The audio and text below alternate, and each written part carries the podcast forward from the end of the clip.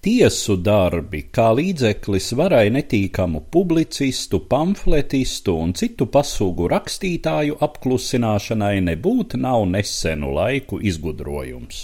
Drīzāk jau mūsdienu demokrātiskā pasaule, kur vairs nav īpaši jābīstas par rakstītu vai runātu vārdu izpelnīties rīkstes, kauna stabu vai kazi arī kāķi, ir izņēmums uz agrāko gadsimtu fona.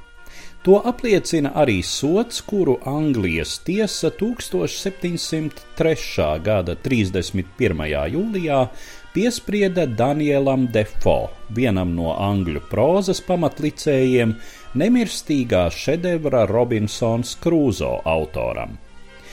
1702. gadā Defo vēl nebija uzrakstījis savus slavenos romānus, tā skaitā Robinsonu, taču bija jau plaši pazīstams kā satīriķis un publicists.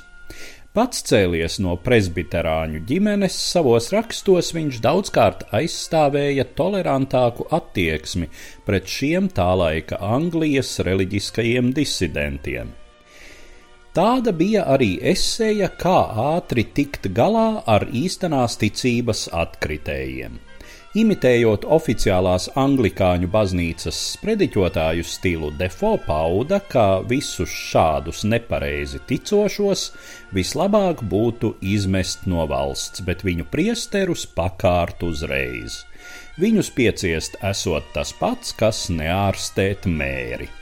Tas viss, protams, bija domāts kā hiperbola, kā publicistisks pārspīlējums, tomēr arī daudzi vēlāko laiku kritiķi atzinuši, ka defo ironija šajā gadījumā bīstami tuvojas robežai, kur to var uztvert drīzāk kā provokāciju.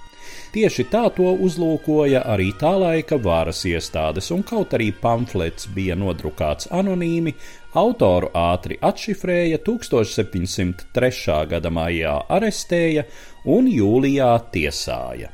Viņu atzina par vainīgu un piesprieda pamatīgu naudas sodu, cietumu un stāvēšanu pie kauna staba.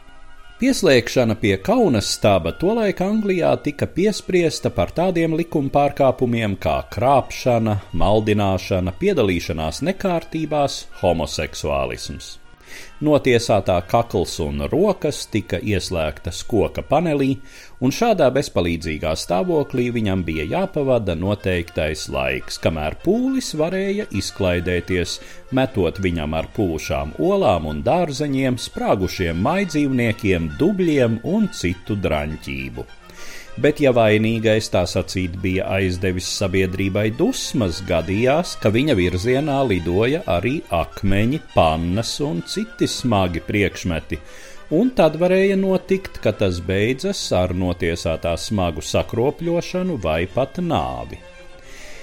Danielam Defo bija jāstāv pie kaunastaba trīs dienas pēc kārtas pa stundai visdzīvīgākajās Londonas vietās. Tomēr viņa sodīšana beidzās drīzāk ar triumfu nekā ar pazemojumu. Uz topošā literatūras spīdekļa pusi no pūļa lidoja tikai ziedi, kamēr Daniela draugi piedāvāja garām gājējiem iedzert uz viņa veselību un izdalīja svaigi nodrukātas brošūras ar nosodāmo eseju un autora īpaši šim gadījumam sacerētu himnu kaunastabam.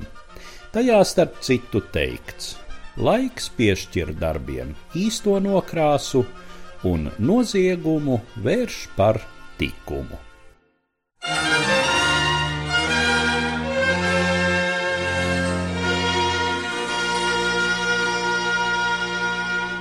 Stāstīja Eduards Liniņš.